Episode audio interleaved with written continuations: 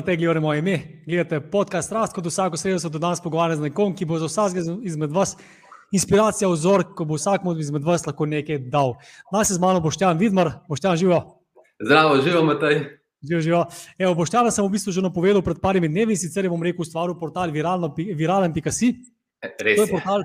Kjer si lahko preberete več o, o njemu, o, bom rekel, o tem, tudi s čim se on ukvarja bom rekel, v preteklosti, ker vsak človek, ki napiše knjigo, ko pripravi portal, ki se z nečim ukvarja, ima za sabo kar nekaj izkušenj. In o tem bomo tudi danes z Boštjanom govorili. No. Drugače pa naj povem, v bistvu, o čem se bomo danes pogovarjali. S tistim, ki bom rekel, še ne poznate te oddaje, oziroma s tistim, ki tudi že poznate, da vas še enkrat spomnim, pogovarjamo se namreč o dveh zadevah. Prvič se pogovarjamo o tem, kako v življenju doseči cilje, ki si jih zadamo. To nas načeloma učijo že v šolah, se pravi, kako si postaviti neke cilje, kako jih doseči in kako do tega priti. Zelo redko se pogovarjamo po temi, ki je, bom rekel, mečken več fokusa na njej, bom rekel, v tej oddaji, in to je pa sedeča tema. Kako ob vsem, bom rekel, vseh teh uspehih, vseh teh dosežkih, ki naredimo, recimo od tega, da šolo naredimo, da naredimo izpit za avto, da dobimo punco, fanta, da dobimo otroke, da ne vem, karkoli v življenju dosežemo, ne, da se počutimo izpopolnjeni, srečni in zadovoljni. Ker življenje je prekratko za to, da bi trpeli. In če ste kdaj v življenju trpeli, potem se lahko s tem poistovetite. Če ste kdaj v življenju se počutili slabo, da niste imeli energije, moči, bom rekel, v svojih rokah, da niste, bom rekel, se čutili, kot da imate vi nadzor nad tem, kako živite, potem je tale pogovor danes za vas. Zdaj, na kratko, ne predstavim, bom rekel, Boštjana, da vam ga še pokažem, močem tako le sliko. Mi grede, odlično energijo ima, tako da posnemajte, modelirajte ga, zapišite si kakšno stvar, drugače pa na kratko, da povem, kaj Boštjan pravi sam zase. Boštjan pravi, da je že od 21. leta srčno zavezan in popolnoma predan podjetništvu. Zdaj, eh, z več kot deset, eh, desetletnimi izkušnjami no, eh, je opolnomočen z znanjem podjetništva, inoviranja, marketinga, prodaje in pa osebne rasti in s popolno prodanostjo in doslednostjo pomaga drugim, da izkoristijo vse svoje potencijale. Zdaj, da so iz dneva v dan eh, najboljše različice sami sebe, za jasnim ciljem in brezkompromisno vero v uspeh. Ja, Boštjan, tole je napovednik, ki, je, ki obeta. Ne? Um, povej mi, da prvo v bistvu, kako se danes počutiš, pa kako, da, eh, po- kako se danes počutiš. No? Gremo pol dalje. Uh, hvala, Matej, za ta uvod. Uh, lepo si povedal, ja, uh, skupaj vsega, se verjetno ima danes mrske še doda, dodatno povedala malo več. Ja, počutim, počutim se vrhunsko. Uh, ko mi čakam, da gremo čez tale intervju, oziroma naj pogovor, da še kaj več ugotoviva, da se poveva. Danes je bil lep dan, uh, bil sem že po eni stranki, doživel mrske lepega, tako da zdaj pa je večer, po večeru pa še malo potelovati, to fitness, pa pa, pa, pa zaključimo vse skupaj. Top, top, mi Ja. všeč. Mi gre, vsem, ki to spremljate, dajte eh, imeti pozornost na tem, recimo, kakšne besede recimo Boštjan uporablja, kako se obnaša, koliko energije ima in tako naprej. To so stvari, ki se jih lahko naučiš, ki se jih moraš naučiti. To, nisi, to ni nekaj, s čimer si rojen, kot vsi mislimo. Ne? To so stvari, ki se jih lahko naučimo, zato predlagam. Lejte, jaz sem vedno pred sabo beležko, prepravite svinčnike, zapišite si kakšno stvar in ne samo to, sodelujte v pogovoru, napišite kakšen komentar, vprašajte kakšno zadevo, napišite svoje mnenje. Ker znanstveno dokazano si več zapomnite, če kaj napišete, če sodelujete v pogovoru in če ste, bom rekel, nekako resnično z nama danes v, tem, v tej debati. Ne. Zdaj, um, Boštjan, jaz sem ponovadi, bom rekel, človek, ki nimam tokrat, bom rekel, površinskih tem, tako da bom šel direktno te bom vprašal, na kaj v življenju si najbolj ponosen in bomo iz tukaj v bistvu krenili potem na vse ostale teme, ki nas čakajo. Na kaj si najbolj ponosen, kaj bi rekel? Najbolj ponosen, zdaj zelo široka tema, ampak ja, lahko jo mečkam dava na, na, na kup. Um, v bistvu ta del zdaj, uh, ki sem, ki je v bistvu cel svet drvi v neke čudne sfere, v, v, v, v tele vse te krize, zdravstvene, ekonomske, ne vem, kaj še nam gre, zdaj je odzuni še energetska kriza, da v bistvu jaz grem pa kontra. Uh, jaz grem gor, jaz sem rekel, pač vi boste tisti svoji luknji, uh, politiki naj perejo možgane drugim, jaz sem se tega distanciral in sem šel neko svojo pot in jo grem, in v bistvu rezultati se tako dnevno se kažejo. Uh, zjutraj se zbudi z veseljem, uh, zvečer gre z vesel spat in to je ponosen, da, da sem srečen, uh, da živim in da se zavedam, vsak jutr lahko zadnjič vdihnem in rečem ne, danes nisem zadnjič in gremo ven in, in sem poln energije. Na to sem bil ponosen. Da sem ugotovil, da živiš, kot si ti rekel, eno preblisko časa um, in ga je hitro lahko konc, in da ko to ponotraniš, je vsak dan neki noga. Uf, super, to je, to je res top, da tako razmišljaš, da tako deluješ. Ker ja, prva stvar, recimo, na katero se ljudje fokusirajo, ko rečemo ponos, ne, je lahko marsikaj drugega, da ne bom zdaj koga ne obsodil. Ampak ja, ti si, obso- ti si dejansko pa govoriš o tem, da si ponosen na to, kdo si, da sem prav razumel. Ja, uh, da v bistvu rečeš, bi se zdefiniraš, napišeš, kdo si, pogledaš renome, kaj si uh, včasih delal, kje si zdaj in kam hočeš iti. Ne? In ko to vse skupaj gotoviš, um, pol je to tisto, kar želiš in ja, na to si v bistvu lahko ponosen, ker gotovo sem pa z velikimi ljudmi se pogovarjam, da veš, uh, ko nekdo reče, kako si kaj planiral life, kaj boš delal drug let, ne ve povedati. Ne? Koliko časa si vzel za to, da si splaniral svoje življenje, ne ve. Ne? Kaj pa vprašaš, ej, koliko časa si pa na avto net preživel, da si noga pasata kupu, ne? pa reče, ja, že pet dni gledam. Ok, se pravi, avto ti več pomeni, kot si v svoje življenje. Ne? In ker reče, da boš to ponotranil, da si ti na prvem mestu, ne? avto je nekaj dobrine, ki jih lahko kadarkoli zaslužimo, pa na drugem je to tisti mind shift, ki ti ful parnese življenje. Ja. In kaj bi rekel, kaj pa te recimo največ pomembno v življenju? Um, čist uh, enostavno, pač sreča vsakodnevna. Um, zdaj, pač, kaj kdo pogojuje srečo, uh, je čisto odvisen. Um, enijo denarno, enijo z nekimi življenjskimi cilji, športi, pač to je čisto odvisen. Um, ampak meni je to res zdrava, da, da si da doživiš v popolnosti tistih nekih 80-90, odvisno kako bo zdravstvo napredovalo, kot nam je dan. In rečeš, ja, da si na koncu, ne vem, pa 90-ih tam v Google-niku noter, pa rečeš, Ja, jaz sem pa vse doživel. Ne? ne, da ti je žal, da neki nisi, ampak da ti je žal, da si probo, pa si fejlo, pa probo, pa fejlo, pa probo. Eh, to. A veš, da samo o tem doskrat razmišljam, ne? ker ki se enkrat postaviš v to vlogo, ne? da si star recimo 70, 80, 90 let, 100 let, neko karkoli, pa si recimo, veš, tik pred smrtjo ali pa tudi če ne. ne? Mm. Ko pogledaš nazaj, ne, ti je vedno lahko nekaj žal. Ne? In jaz sem si recimo že pred leti se prav spomnim rekel, ne, da, tist, uh, mislim, da meni ne bo žal za stvari. In sem se lotil načrtno tistih stvari, ki mi je bilo strah. Ja. Ker sem vedel, da bi bilo fajn narediti, ali pa da bi celo mogel, ampak nisem zato, ker me je bilo strah in sem se tega vse lotil. Ampak zdaj pa nekaj pomembnega za vse, recimo, ki gledate, pa tudi za naj, boštja. Okay. Pojem, recimo, rekel si, da delaš na tem, da, da bi rad bil srečen vse čas. Tudi je v nekako rekel, zelo pomembno v življenju. Povej mi čisto, no, pa boš tudi ti sam mogoče nekaj spoznal oseb, ne? pa to lahko okay. naredite tudi vsi doma, ki ste. Kakšne so tvoje pravila za srečo? Kaj pomeni, recimo, kaj se mora zgoditi, da si ti počutiš, da si srečen?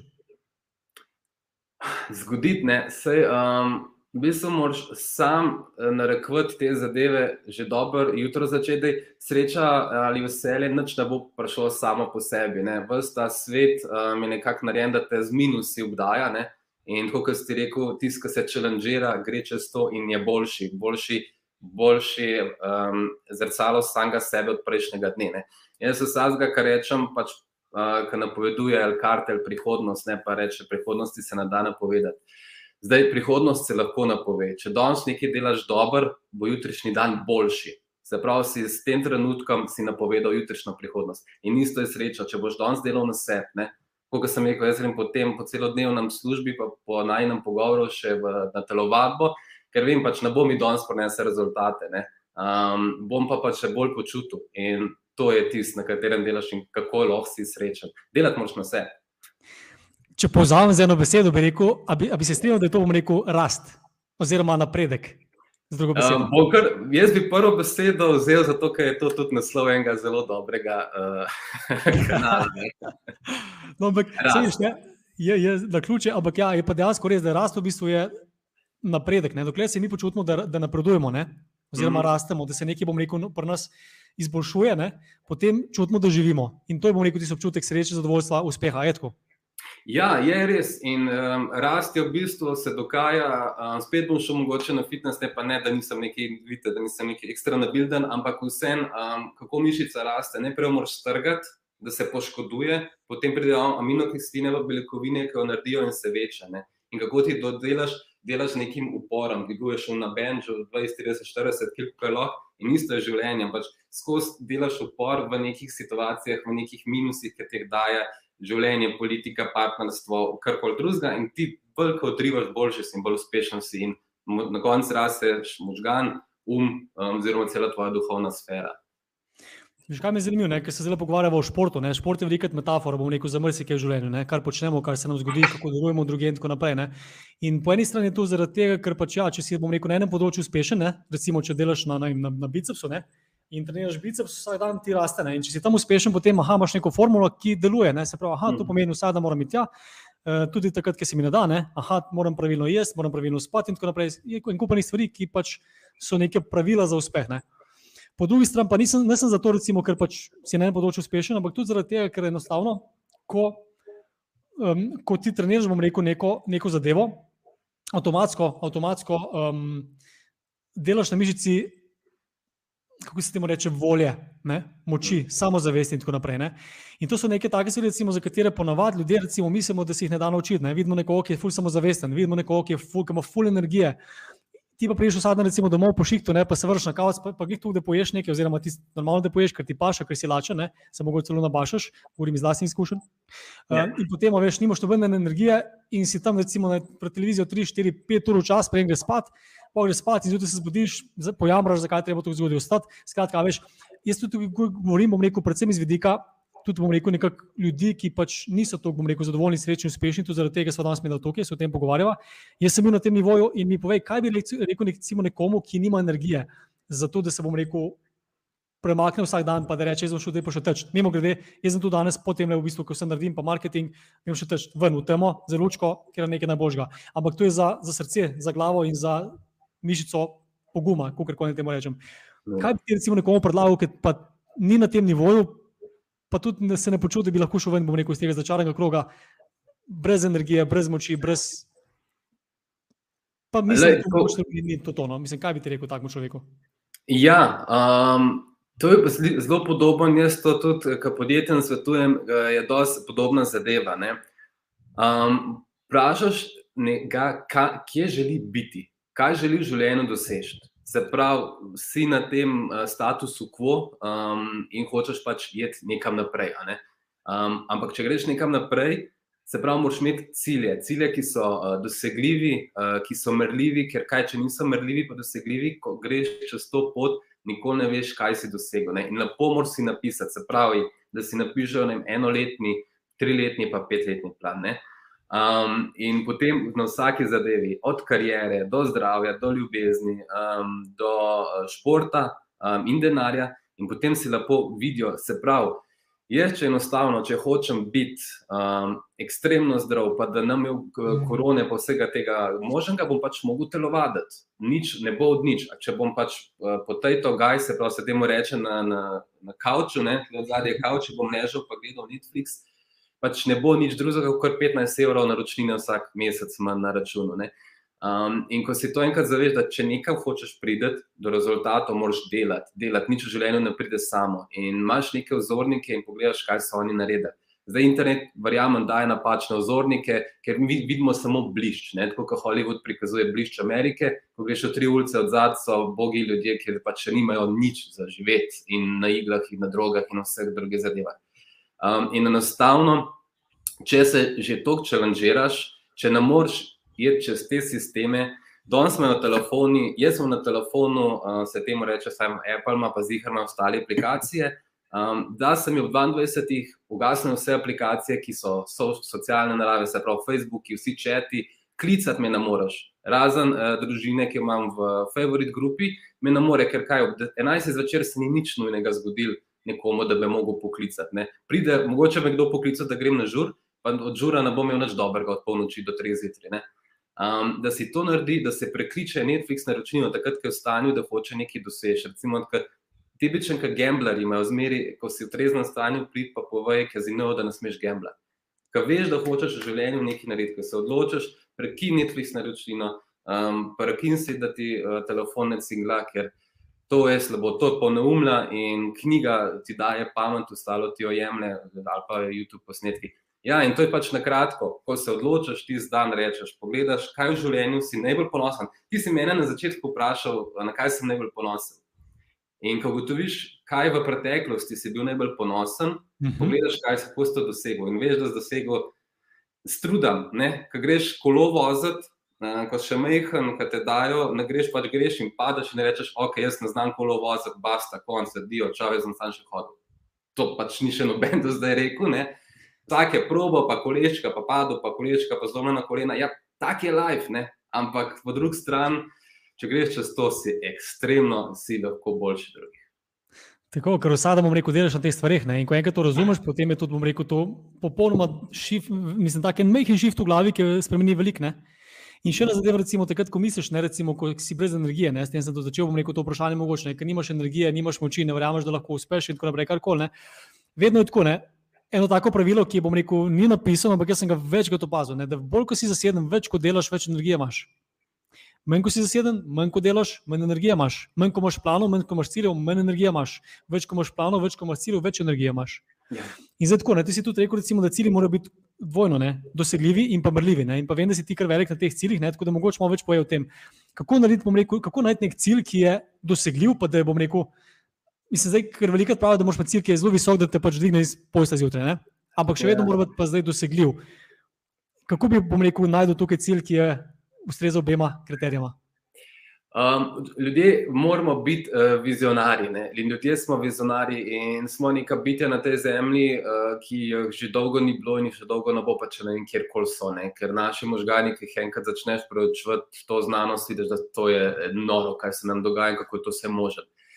Um, in kako to dosežeš? Ja, imaš tiste vizionarske cilje, ki rečeš, jaz bom to enkrat dosegel potem si pa narediš enostavno, kako boš tam prišel, vse, vse v enem dnevu ni, ni rešeno, Rome wasn't built in a day. Um, in nič v življenju tudi drugega ne bo en dnev. Se pravi, da si daš realne cilje, da veš, da to lahko do, do, do, narediš v realnem nekem času, da so dosegljivi. Um, in da so realistični, se pravi, da so realistični, da lahko narediš, ne?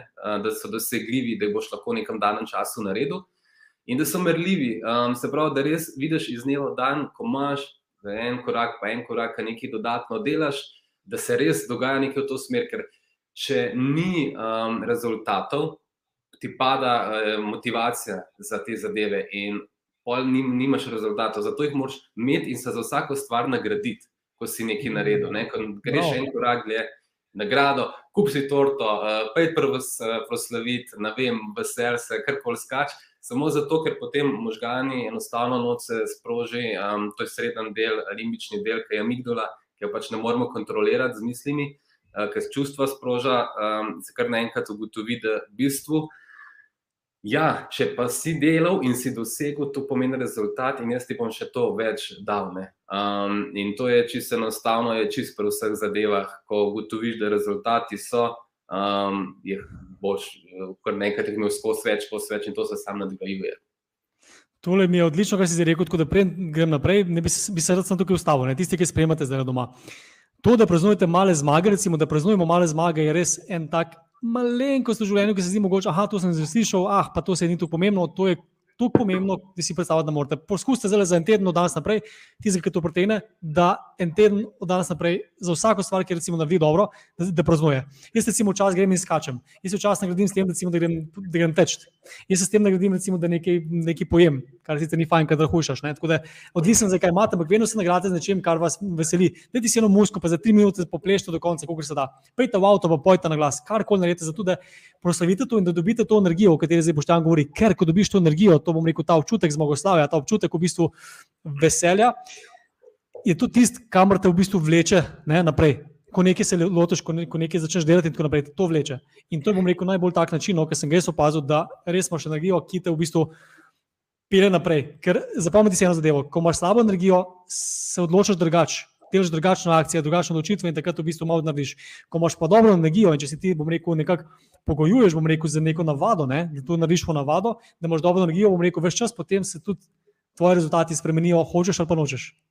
Če lahko v tej sam dam uh, tvojo uh, teorijo v prakso, Um, boste čisto enostavno, eh, gledalci, da boste videli, da to res deluje in zakaj vsi. Um, pa bo dal metaforo na domače ljubljenčke. Um, če imate doma kuška ali pa ste ga imeli, oziroma ga želite, kako boste kuška naučili, da se usede? Um, vsakič, ko se bo usedel, mu boste dali nagrado. Se pravi, ko se bo usedel, mu boste dali briket in on bo, op, op, op, jaz sem pa za nekaj dobrega dobil nagrado. Um, če ga boste vsakič, ko se usede, ga porinili ali mu dali kazen, se nikoli več ne usede. In isto je z vašimi možgani. Ko uh, naredite nekaj dobrega, si date nagrado in oni rečejo: Aha, za to zadevo sem jaz dobil nagrado, se pravi, je enako, če delam dobro, če se fejs trudim, bom dobil nagrado. In potem delaš no, non-stop. In to je ta paradigma, ki jo imamo v možganjih, ki jo zavest daje podzavesti. Um, ker podzavest je una, ki delaš, ne veš, kaj delaš, se pravi, to so dihanje in vse ostale zadeve In podzavest si doskrat ljudje filmamo z napačnimi informacijami in dobimo napačen odziv v telesu. Um, se verjetno do tega še ne dodelala, ampak ja, evo, to sem sam. Odličen primer, ne? odlična metafora, ki si lahko res človek predstavlja in dejansko je tako, ne? tudi pri nas. Ne? Zdaj, prej gremo dalje, če, če, če imate kakšno mnenje, kakšen komentar, kakšno vprašanje, napišite tukaj pošteno, dajte jim všeč, delite to s prijatelji in tako naprej, ker tole mora slišati več ljudi. No? Drugač pa druga stvar, recimo pri ciljih je pa sedeča, ne? rekel si, da morajo biti merljivi in jaz tukaj ne morem povedati, koliko je to pomembno. Ne?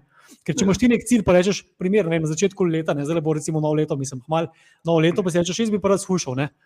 Mislim, super, ne, že čez pol ure, recimo, če, če boš recimo na VC, si že skušal, si že lažje in tako naprej. Um, zdaj treba imeti merljiv cilj in dejansko ga moraš meriti. In karkoli recimo v življenju, ki če se ne moreš meriti, v bistvu ne moreš uh, doseči.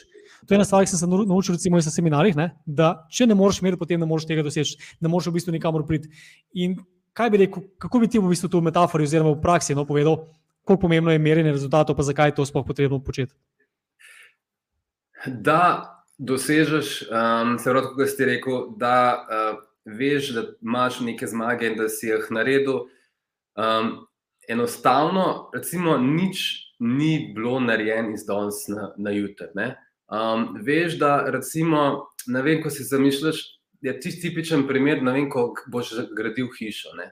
Veš, da ok, za graditi hišo rabiš dobro službo. Dobro službo rabiš, ker rabiš dober kredit, dober kredit rabiš, da boš lahko hišo naredil in da boš dokončal. Se pravi, si, si lepo neke umestne cilje naredil postopoma, kako boš prišel do tega. Um, če bi recimo sam rekel, ja, jaz sem pač. Uh, imel hišo, to je to, ok, stane me 300 evrov v življenju, tega ne bom imel, pustimo da si res razčleniš neke te večje cilje, da si razčleniš na manjše segmente in kako pa te manjše segmente dosegaš. In za vsak tak manjši segment si daš časovni ukvir. Um, ne vem, če gremo spet na hišo. Ne, um, ja, bom šel v banko zaprositi za kredit do konca meseca decembra. Ne? In si res do konca meseca decembra narediš, in potem samo postopoma imaš še dodatne taske, ki jih veš. Ker če ne, mi zelo uh, odlašamo in naprej odlašamo, odlašamo, odlašamo, ker smo ljudje odlašani in upamo, da slučajno bo kar naenkrat prišel nekdo in naredil. Ne? Um, to je v firmi lepo, ali kjerkoli ste, pošleš, dobiš en mail, ga pošleš sodelavcu in pa upaš, da ti ne bo nikoli več odgovoril. Eh, zato, da ti no treba se s tem ubadati, pač daš prevali brigo na drugega, ne? da se lahko reče po slovensko, da daš um, odgovornost na drugega. Evo, ja, ja. Um, tukaj, tako, no, tu, tu bi se še rekel, da kar se tiče, bom rekel, merjenja. Večkrat, ko boste merili svoje rezultate, več, bolj boste uspešni. Ker če recimo zdaj zmeriš, kot sem prej rekel, imam plan, da je skušam, recimo, na sedem let, če zmerite, zdaj bom rekel danes, pa potem čez eno leto. Ne? Vprašanje je, koliko boste v bistvu res fokusa imeli na, na te stvari. Ne? Če zmerite, recimo, 12, krat bom rekel leto, se pravi vsak mesec enkrat, ne? če zmerite, potem je že večja šansa, da boste nekaj naredili. Ne? Če zmerite to vsak teden, ne? se pravi, bom rekel 54 krat v leto, potem je spet veliko, veliko večja šansa, da boste, bom rekel, temu rezultatu sledili. Če zmerite to vsak dan, vsako uro in tako naprej, računajte sami. Poštejem, kaj bi rekel, v bistvu, da je tvoja največja vrlina? Uf, Zdaj sem pa avto v Dublu. Um, moja največja vrlina, ne? zdaj bom malo politično z vprašanjem uh, odgovarjal, da si coj dobim. Um, ja, recimo, da, da ko se nekaj zadam, grem in to naredim. Um, ko si rečem, jaz bom to dosegel, grem in vem, da bom dosegel, in ni nič ni nedosegljivega. Ker kako je človeštvo doseglo v svojem življenju. Da smo čisto eno prispodobo danes zmeri, pa velja in verjamem, da ste tudi vi gledalci zamislili. Brata Vrajtne, leta 1906, ne me par let gor dol, um, bremenovati, če ni prav, sta šla na en pač pet metrov visoko, neki pa par metrov dela sta s tistim avionom šla. Ne. Potem so pa američani 1969 šli na Luno. Ne? Na Luno ja. Prav, razlika je 63 let, odkar je človeštvo šlo iz 5 metrov višine na ne vem koliko tisoč metrov na Luno. Ne? Na Luno smo šli. In potem ti rečeš, jaz pa ne bom mogel shujšati v treh letih. Ej, lej, kako lahko to rečeš, če smo dosegli vse to možne? Um, in lepo je, um, meni se zdi, da bi ameriški predsednik Kennedy je um, je meni se ti gospod Braven, to je bil nemški inženir letalstva. Um, ga je vprašal, Kennedy, kaj mora narediti uh, Amerika, uh, kaj rabi Amerika, da pride na Luno. In je rekel, a will to do it. Se pravi, no. voljo, da no narediš. Ni jim rekel, da rabite inženirje, pa NASA, pa Ariat 52. I will to do it. To, to je rekel gospod Brown um, Kennedy. Evo, mislim, to, pač voljo, da boš nekaj naredil. To je najbolj zanimivo, ne? recimo, ker veliko si rečemo, če se vse ne moramo narediti. Ne? In to smo vam rekel, mislim, tu se nam naredi, bom rekel, zelo veliko, ne pa mrske še stvari. Recimo, In eh, zakaj do tega pride, bom rekel, predvsem zato, ker pač le, mi živimo, ne, vsi imamo neko svojo realnost, vsi živimo v nekem svojem svetu. Ne? In mi verjamemo tisto, kar pač eh, smo dosegli, da je dosegljivo, tisto, kar nismo še dosegli, da ni dosegljivo, oziroma, oziroma nekaj več da je. Ne? In zdaj. Tisto, kar hoče povedati, sledeče. Jaz včasih tudi, ki tečemo te stvari, razmišljam, ne, zakaj bomo neki ljudje imamo te omejitve, omejujoče prepričanja, zakaj imamo neke triggerje, recimo, ki nas naredijo jezne, ki, smo, ki nas naredijo, da smo v stresu ali kako koli. In vedno je tako, da dejansko samo odziv naše realnosti. Ko se mi enkrat zavemo, ne, da te, naš, te naše misli ne, niso samo naše misli, to so misli, ki, ki jih imajo ljudje že tisočletja. Mi nismo tukaj unikatni, mi smo, smo vsi unikatni, ampak naše misli niso unikatne. To niti niso naše misli. To so misli nekoga drugega in mi smo to povzeli in zdaj to verjamemo in zdaj to govorimo, zato ker pač so nas tako v šoli učili, mogoče starši, prijatelji, družba, ne vem, na televiziji, kdorkoli. Skratka, ja. Dos, sposobni smo doseči praktično karkoli, če v to verjamemo, če imamo voljo. Ne? Če pogledaj, recimo, ljudi, ki so prišli na Luno, ne? so glitko imajo dve roke, dve noge, eno glavo, glitko v bistvu imajo pač 24 ur na dan. Ne? Kaj si mi reči? Ne, ne, samo prekimavam in pretrdim, da vse, kar povedo, je totalno. Ja, hočem povedati, v bistvu, da tisto, kar moramo samo v bistvu narediti, je to, da se zamislimo in rečemo pismo. Če jaz nekaj ne verjamem, to ne pomeni, da ni res, da se nam ne da, pa da ne morem, zato ker pač imam neko usodo in tako naprej. Ampak je to sem zato, ker pač si povzel to mišljenje, si ga tukaj ponovil, tukaj si ga sam sebi rekel, pa mogoče nekomu drugemu, da temu zdaj verjameš in to je to enostavno se da to spremeniti. Ne čez noč, kot je rekel Boštjan, nobena stvar ne rata čez noč, ampak če hočeš spremeniti neko zadevo, ali dobiti večji biceps v fitnessu, ali pa dobiti več samozavesti, ali pa dobiti več poguma, da se boš nečesa lotil, potem je treba tu trenirati. In začneš se z mehkimi koraki. In zato dobro poslušajte dale pogovor danes med vrsticami, zapisujte si stvari, pogledajte ga potem še enkrat.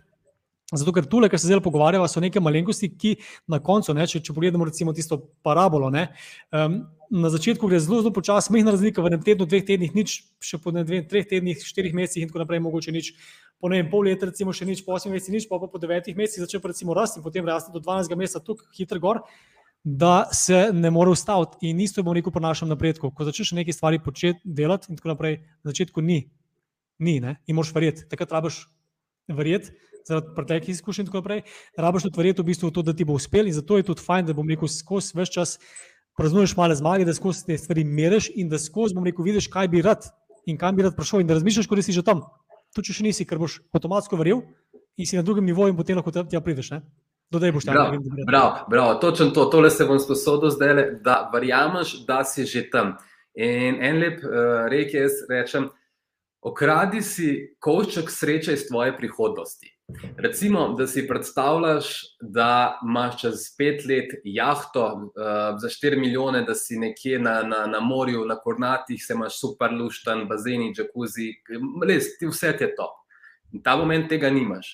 Zapreš oči in razmišljaš, kako je takrat, ko to imaš. In se kar naenkrat se nasmejiš, v bistvu si občutek, da si tisti človek, ki si takrat, pa v bistvu tega nimaš, samo od prihodnosti si si ukradel krošček sreče in si ga prinesel danes tako enostaven je. In v bistvu, ko podaš možganom delati in se enkrat um, to zapreš in predstavljaš, kar nekaj to ne delajo. To. Ker ena stvar je, možgani ne ločijo med realnostjo in vašo, uh, vašimi sanjami, oziroma to, kar vidite. Ja, hvala, te verjetno se strinjaš. To je pač enostavno. Um, v FMRI-ju so delali, uh, magnetni resonanci so delali uh, poizkuse. In ljudem, so, ko so mi žal, pa si nekaj zamišljali, pa ko so potem realno to videli, so isti, isti predeli možganov delali. In se pravi, če ti zapreš oči, pa da se razmišlja, da si nekje na lepem, to možgani mislijo, da so tam in se kar občutek telesa dela, da se ti to dogaja. Zato je meditacija ful, ful pomembna in je zelo dobra za vse. Vsi uspešni jo imajo, ker točno to se dogaja v tem meditativnem stanju. In ja, Matej, to sem hotel, ukradi si kroček sreče iz prihodnosti. Bravo, odlična, odlična metafora in ja, definitivno no, eh, nekaj, v kar verjamem zelo in tudi eh, kar prakticiram. No. Ne prakticiram pa v bistvu meditacije, no, kljub temu, da delam druge stvari, ki so temu podobne. Ampak kako pa se ti s tem ukvarjaš z meditacijo, kaj počneš, kako to počneš in kako lahko nekdo, ki danes to gleda, prvič, kako lahko začne? Meditacija, vse meditacije je različno. Ne? Za nekoga je meditativno stanje, da gre v hribe, Um, in je tam sam s sabo, se pogovarja s sabo, pogovarja z naravo, naravna je vse mogočna. Um, nekdo je pač v meditativnem stanju, um, medtem ko vozi avto in uživa. Um, in različne stanje so. Zdaj, ena ura najbolj poznana je pač meditacija, um, ko prideš v stanje, ko greš vse na dih in ko začneš vibrirati v nekem uh, lastnem stanju. In takrat v možganjih si zamišljaš, oziroma prideš v tak nek vakum, ki se nič dogaja in brez misli, brez vsega, kar se ti v odzum dogaja. In jaz, recimo, to imam, jaz sem zjutraj imam navado.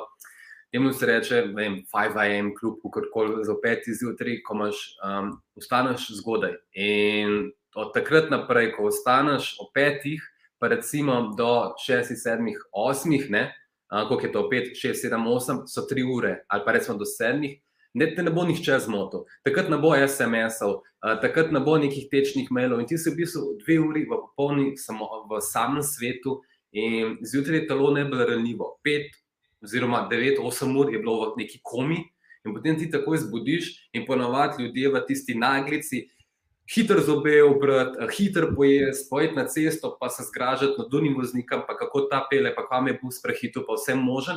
In ti v bistvu telo zjutraj, ki ne brani, tako šokiraš. In valjda, ki priješ v službo, ki te pa že nekdo mirno vpraša, da je mi lahko pomaga, si čez nerviran, pa ga pošleš nekam. Ne? Um, v bistvu oni hočejo nas slabega. Če greš zjutraj zgodaj, ostaneš. Um, jaz ne bi potelovaden. Potelovaden zakaj? Zato, to sem pa neko raziskal, bral, mogoče preberite knjigo um, vstaja v petih in svet ti bo ležal na dlani. Kdo je avtor, zdaj ne vem, ampak je um, točen naslov.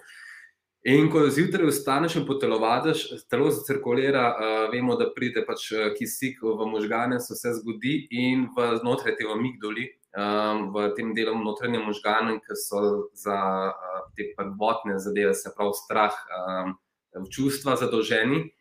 Um, preprečiš, en hormon se ne sprošča, zdaj le ne vem, kje in zato ga raj nam povedal, in zato čez dan uh, sprejmaš boljše izkušnje. Ne dvomiš o lastnih uh, um, odločitvah, ne sprejema, sprejmaš bolj um, tehtne um, in rizične odločitve, ker veš, da jih lahko narediš. In to se samo zgodi, če zjutraj takoj potreniraš in deluje. Jaz sem šel iz nule, odprl sem portal viralen.com, si začel snemati videe, um, se pravi, deluje. Uh, Eh, potem je pa še ena zelo dobra, nujna stvar, je pa hvaležnost. Da si hvaležen za vse, zakaj v bistvu si dosegel, um, da si živ, da lahko si pač imaš zajtrk, da se zbudiš v topli hiši. Da imaš vse, kar večina nima. Eh, Evropejci smo zelo zaslepeni z dejanskim stanjem v svetu, um, kjer ni lepo in nam je vse samo umevno. Samo umevno, da stopiš na avtobus, pa te pač odpelje. Samo umevno, da pipo odpreš in topla voda pa teče, ne mrzla topla, ne? pa nekje še sploh voda jim preteče. In je samo omenjeno, da si lepo za te stvari hvaležen, ko si hvaležen. Možgani daš vedeti, da vse, kar si do zdaj dosegel, si nekaj delal prav, um, neko vibracijo daš drugim. In, uh, ej, mogoče se sliši super duhovno, ampak ni to, to je za tukaj noter za možgane, ki dela. Um, potem si pa jaz dam teske zjutraj. Zakaj zjutraj? Ko zjutraj daš možganu nalogo, um, da bo nekaj naredil, bo čez dan naredil. Z, ker enostavno on ima noter v neki zadnji, se mu to mele um, in bo pa čez dan naredil. Kokrat se kaj čez dan spomnite, ker rečete, zjutraj si date to, moram narediti, in pa pozabite, in pa se čez dan spomnite. Ja, zato ker se je ena iskra sprožila, ki je vedela, da se mora sprožiti, in ste se spomnili, enostavno te zadeve. Ne. Um, probite se pa zvečer to narediti, ker ste vsi zmatrani, lastne ključe odbajte, zgubiš od avta do, do hiše, ker ne veš, kje že vse je, da si čez bega. In ja, to je pač tisti moj nekakšen eh, ritual, da, da dosežeš vse, kar hočeš. Kaj si ti začel, povem še v bistvu, kaj vse še narediš na dnevni bazi, da si lahko bolj uspešen, da ti, da ti je fajn v življenju in tako naprej. Ena stvar si rekel, da ostane zgodaj, druga stvar si, kar povej, tako recimo, kaj vse bi predlagal, no? da človek naredi na dnevni bazi, oziroma kaj počneš. Um, ok, nekaj te prekine, upam, da sem slišal, se pravi, kaj narediš na dnevni bazi, da si v redu, ne, to se vpraša vreten. Tako. Okay. Um, skozi um, cel dan um, mi pademo, v ljudje, v neke avtopilote že zjutraj. Um, to se verjetno zaveste, že takoj, ko pržgete avto in greste v službo, si na nekem avtopilotu. Pa ne govorim to, da te ima zdaj nekdo gor v solci na, na, na daljinčku, ampak pač na lastnem avtopilotu. Skozi imamo iste stvari, zbudiš, greš v službo greš iz službe v trgovino, greš domov, peleš uh, kuška na sprehod, zaliješ fikus, uh, pogledaš um, neko informativno oddajo in greš spat. Cikl, cikl, cikl, in pa pride petek, in si vse vesel, kaj je vikend, in pa pride poletje, ki si vse vesel, da greš avgusta na dopust. Pazi, rekel sem avgusta, zato ker smo navajeni pač je avgusta na dopust, ker je pač naš kemp fraj. Ja, in to je ta avtopilot, ki se nam če ne delaš nekaj novega, ne moreš pričakovati, da boš dobil spremembe v življenju. Če ne greš v fitness, ne moreš pričakovati, da boš skušal. Če ne, ne spremeš odločitev, ne boš mogel pač pričakovati, da boš lahko bogat, pa dober, pa uspešen. Ne boš. Ne? Um, in zato jaz čez dan, um, zmeri, ko delam, si dam cilje nekaj več. In ko padeš v tisti nek cikl, ko gotoviš, da si spet v samo del, del, del, se ostaviš, sred dela se ostavim um, si vzamem 10 minut časa. Uh, pogledam en dober video, mogoče preberem knjigo ali se pa pač, kot ste rekel, muska me kul. Cool. Jaz že, če se vidim, če se vidim, imam gramofon, muska mi glasba mi veliko pomen, imam gramofon, si dam, um, ja, temno je, pa se ga navici dam ploščo gor in poslušaš. Um, nekdo je pred tabo mogel narediti en dober komat, biti genij, da vse to skupaj dal in uživati. In ja, ko, tako kot ugotovim, da nek fazon čuden padam, se spet spremenim. Um, predvsem pa En film je um, Yes Man. Um, se pravi, da začneš govoriti zadevam enostavno. Ja. In zato padeš ven iz te. Um, jaz rečem, čakaj, kako sem že. Uh, monotonost je nagrada za dolgočasne. Um, a res hočeš biti monotono v življenju? Ne. Um, to je nagrada res za dolgočasne, že pač deli skozi nekaj novega um, reči, ja, kot je nek, nek kolega reče, hej, da je pejmo, um, ne vem, pejmo kosta na bile. Pač osnovna bi bila, manj da se mi, a vreme, kakšne pa vreme kaže, čakaj, koledar bomo.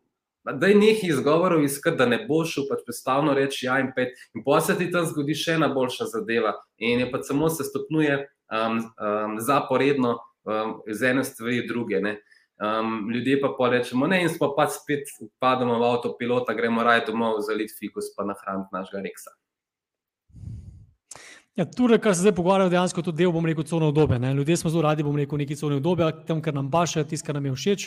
In, in se bom rekel, načeloma, zdaj govorim načeloma, ne za, za vse, no, se v bistvu nekako bojimo sprememb, ne, se bojimo v bistvu nekaj narediti, kar je malo drugačne. Uh, In to je, bom rekel, čisto logična razlaga, zato ker mi smo že od nekdaj, če čisto poenostavljeno povem, ne, ko smo recimo živeli v jamah, ne, takrat recimo nas je bilo, zdaj karikiram zelo, pa to je metafora, ne, smo živeli v jamah, nas je bilo recimo noter 12 in tam noter si mogel biti v bistvu nekak del tima, ne, mogel si biti v bistvu um, se strinjati, bom rekel, z vsem spremem in tako naprej, ker če si bil drugačen, če si bil nekdo, ki je pač izstopil, potem si imel riziko, da te bojo izločili iz te družbe in potem, da boš mogoče celo ne, te bojo dal ven. Če, če si bil samo v nekih tistih časih, mogoče celo nisi preživel, ker so bili tam zunaj zveri, nisi mogel biti sam, si nisi mogel braniti in tako naprej. Ne.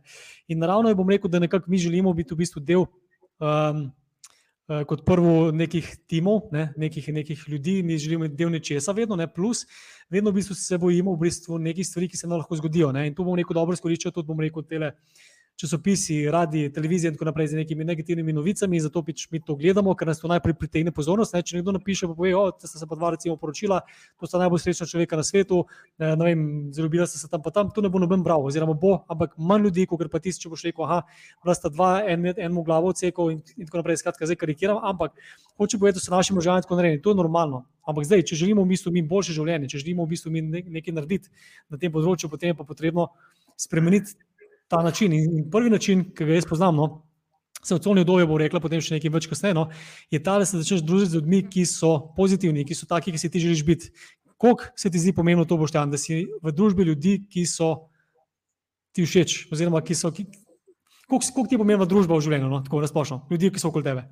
Uh, družba je odraz uh, tebe, odraz tega, kaj si. Um, in pač unrek je zmeri, če si najpametnejši v družbi, si v napačni družbi. Se mm, pravi, da si ti intelektualno nad vsemi in, in pač več nimaš kaj pobrati, od drugih se kaj naučiti. Moja mama mi lepo pravi, uh, cel življenje se učiš, pa na koncu um, na umen umreš. Dejansko je tako, cel življenje se nekaj nogo učimo in še na koncu v bistvu ne, ne spoznaš vsega, uh, kar ti svet ponuja. Um, in ja, družba je nujno, družba definira.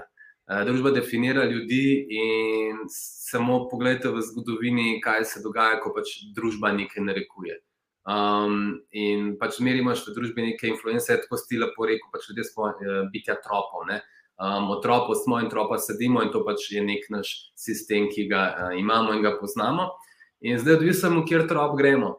Um, en trop bo preživel, en trop ne bo, niso vsi enako. Eni prosperirajo, eni pač nazadujejo. Eni so pa v nekem statusu, kot cel življenje, in čakajo, da se bo pač kar nekaj preletel z neba, pa se jim zgodilo. In družba je zelo pomembna, tako da res merkite, katero družbo si izberete. Um, Sej poznate um, um, knjigo Otroci iz postaje zone in pač res, ko lahko padaš hiter v, v neke napačne zadeve. Je tanka meja med tem, a padeš, recimo, bom pač karikiral v droge ali greš v neko pospetništvo. Ne? Druž, družba te hiter lahko nič. Um, to je tipično izrabljajo, pač, to, to, jaz sem pač v marketinško agencijo, sem bil ustanovitelj, sem imel štiri leta in sem marketing zelo naštudiral psihologijo in recimo kaj, kaj, kajenje. Um, vsi vemo, da je kajenje nezdravo. Anketirali so uh, tisoč mesedi kadilcev, um, zdaj to je še ena knjiga za, za navade, tisoč kadilcev.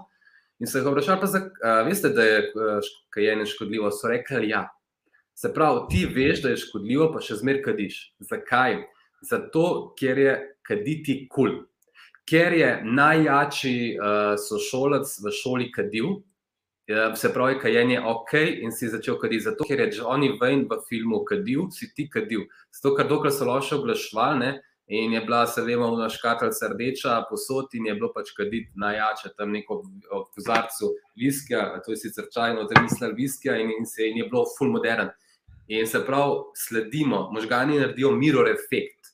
Mirror efekt, da to, kar v drugem vidijo, to oni, oni naredijo. Um, se pravi, doma vidite, ne, če se srečate z nekom, ki je slabe volje, ki govori, ko vi padete na to frekvenco. Če pa z nekom, ki je vesel, ki gre, ki je fulno dobuden, ste kar naenkrat vi to energijo poberete in greste. Ja, in to isto se v družbi dogaja. Slaba družba, slaba energija, dobra družba, dobra energija. Zelo pomembno, kakšno družbo greste. In to je, z enim psihologom sem se pogovarjal. To je primer, zakaj. Zakaj smo Slovenci kot narod, ki smo zelo inovativni in veliko znamo, zakaj nismo druga Švica, kako se temu reče, zakaj ne rastemo in nismo tam, kjer želimo.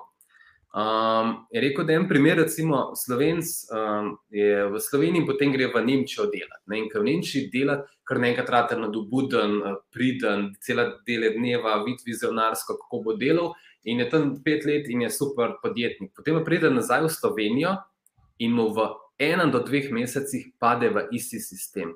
Vse, kar razmišlja, je, um, kako bo kupil nov avto, pa kako bo imel boljšo otravo od soseda. Dejansko je. Se pravi, je ta mindset v Sloveniji, ki je družba. Um, je pogojen, da nam ne dovoli te rasti, in smo vse čas v statusu quo. In pol si, pol si, slovenci, pazi, kaj si govorimo. Za biča rojeni, za biča vzgojeni, si citiramo. Pa dobro, dragi ljudje, da nihite, dokler se boste to govorili, taki boste. Um, in ko greš enkrat čez ta sistem, spremeniš družbo in rečeš, ti greš ven iz to nedobe, zafrknanje, zelo zafrknanje. Pa kaj enkrat, enkrat odstreli ven, je tam svet čez drugačen. In težko ljudem, um, jaz rečem, težko ljudem razložiti, kako je biti vesel, pa skozi nasmejan, ker um, recimo to isto, kar pa hvala Bogu, um, nisem slep, ampak recimo tako, če slepo hotel govoriti, kakšna je rdeča barva ne moreš mu razložiti, ker on dejansko umu ne dojame, kaj rdeča je. In tako ti ne moreš nekomu, ki je nižje na, na tej lestvici dojemanja sveta, razložiti, kako je dobro, če greš v njih celo obdobje, ker bo zagovarjal celo obdobje. Hm. Zanimivo misel, ker eh, namreč ravno zaradi take, takih misli no, sem začel tale podcast. Ker sem bil recimo, na, na drugem nivoju, ki sem zdaj, ne, kjer sem se počutil recimo, vsak dan slabo, oziroma pod stresom, predvsem pod stresom. Vsak dan sem bil jezen, zelo hitro sem se razjezel, v momentu sem bil jezen, sem, sem bruhnil ven in tako naprej. In uh, zdaj že kar nekaj časa tega ne počnem. Ne. In zdaj sem se to naučil, recimo na nekem seminarju, sem, sem začel delati na tem in sem to spremenil. Zdaj, kje si se ti te stvari naučil, Boštjan? Oziroma, kje se lahko človek nauči te stvari, da pride na, na drug nivo, ker verjamem, pa, da ljudje, ki to gledajo, pa želijo nekaj več od življenja. Kje se ti tega naučil? Jaz, um, ne prej volja. Um, a will to do it, sem prej rekel. Um, ko sam dojameš, da nekaj želiš, preden sam ne dojameš, boš, bojo tvoji možgani zanikali vsak prospekt. Ker zakaj? Ko boš hotel uspeti, bojo oni rekli: ne, ne, ne, ne. tle mi je dobro, ker če hočemo uspeti, bo mogel delati. Um, in potem se dejansko ni tako mogel delati. Uh, kot sem prej, če se na slovenci navajam, navežem, bojimo se, kaj prinese uspeh. Bojimo se te teže uspeha. Pa pa rečemo, ma raj ne. In istem možganom, boji se potem teže uspeha in reče, potem te sam sebe zadavi in reče, ne, ne, ne, to ne boš naredil. Um, se pravi, ja, ne prevolja. Uh, potem je pa tudi jaz sem imel mentore, zato pa če sem jaz mentor nekomu, moram tudi jaz imeti neke zadeve uh, v zadju poštihtane in ona, mentorca moja, pač to je um, lasnica oziroma direktorca ene največjih slovenskih podjetij, meni se ima 1500 zaposlenih, je bila moja mentorca. In ona je ti sprebudila v meni, um, to je bilo med korono, eh, ko sem ugotovil, um, da bi se hočel spremembe. In mi je naučila, kako bi se vse skupaj gledati, uh, kako si narediti to prihodnost, in potem greš step by step. In zato po drugi strani sem tudi jaz ta naredil portal, zbrih iz tega, pač zastonil vse gor. Ker sem sam rekel, hočem to znanje, če ga imam sam jaz, brez veze. Ne? Um, da drugi si vidijo z tega statusa quo. In ja, ja na internetu je poln drug, uh, teh zadev. Pač vse imate Tony Robbins, um, Bob Proctor. Bob Proctor je en zelo dober uh, človek, ki vam bo povedal, kaj vaši možgani delajo. Meni se so ure in ure vsebine brezplačne na internetu in vsi njegovi webinari. Uh, fant, oziroma, fant, kar gospod v neki čez 70-ih letih ali 80-ih celo, um, ki že dolgo časa to dela, ampak ja, ima sicer ameriški mindset, ki je drugačen. Um, ravno z njim, oziroma z enim iz njegovih, um, sem bil jaz na telefonskem klicu za mentorstvo. Um, in so tipičen tak primer, dubo, um, kako svoje možgane omejuješ. Pa uh, sem jaz zimo vprašal, koliko želiš imeti nekega inkoma uh, v, na mesec, in sem pač neko številko rekel, da uh -huh. rečemo, da je deset enot. In zdaj si rekel, pa ti mene pokličeš, pokličeš v Ameriko, Bob Proctorja, Proctor Gallagher inštitut. Kaj veš, da nismo poceni, ti mi rečeš, da hočeš deset denarnih enot. Zakaj si se že v začetku omejil? In če si omejil svoje možgane s tem, bojo vedno omejeni, ker si že v tvojih sanjah videl samo deset enot. In isto je z ostalimi, kako uspeti. Si želiti, že, pardon, želiti, želeti uspeti. In ko se enkrat želiš, je pa samo še, kako boš prišel do tja. In vse smo prej delali analogijo um, letala, pa lune, ja. da to dosežeš. Crazy, crazy. Mislim, ful zanimivo mi je zato, ker ti govoriš o, o Bobu Proctorju. Ne? Jaz sem pa recimo glih na Tony Robbins, samo recimo glih tako mentorco, no, zelo okay. dobrega pol leta. In ja, ja tisto, kar se tukaj recimo naučiš, je to, da te recimo vse čas, mislim, zakaj je to fajn, da imaš mentorja. Ne? Zato, ker ti kljub temu, da nekaj stvari veš, poznaš, ne? je fajn, da nekdo recimo posluša, pa da te upozorja na to, kaj rečeš, kako rečeš, recimo, katere besede uporabljaš, plus na kaj se fokusiraš. In velikrat, ne, velikrat sem se znašel v situacijah, da kako lahko sploh tako razmišljam. Itek vem, da to ni prav. Ne?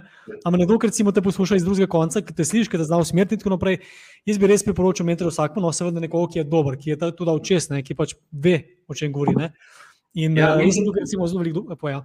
Ja, mentor te, mentor te challengeira, mentor ti da no, nove, nove izzive. Tako kot sem prej rekel, pač mentor, kot sem prej rekel, pač slep ne vidi rdeče barve ti ne more povedati, kakšne je. Kot ti vsega ne znaš, nisi požrl vsega znanja, pa to, če si sto knjig nisi jih ne znaš. Ne? In mentor ti da neko novo nov, nov znanje, prosti.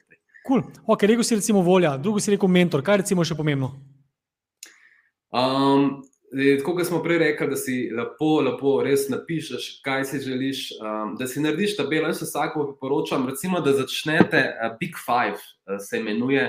Um, pet stvari, ki jih v življenju želiš videti, izkusiti ali doživeti.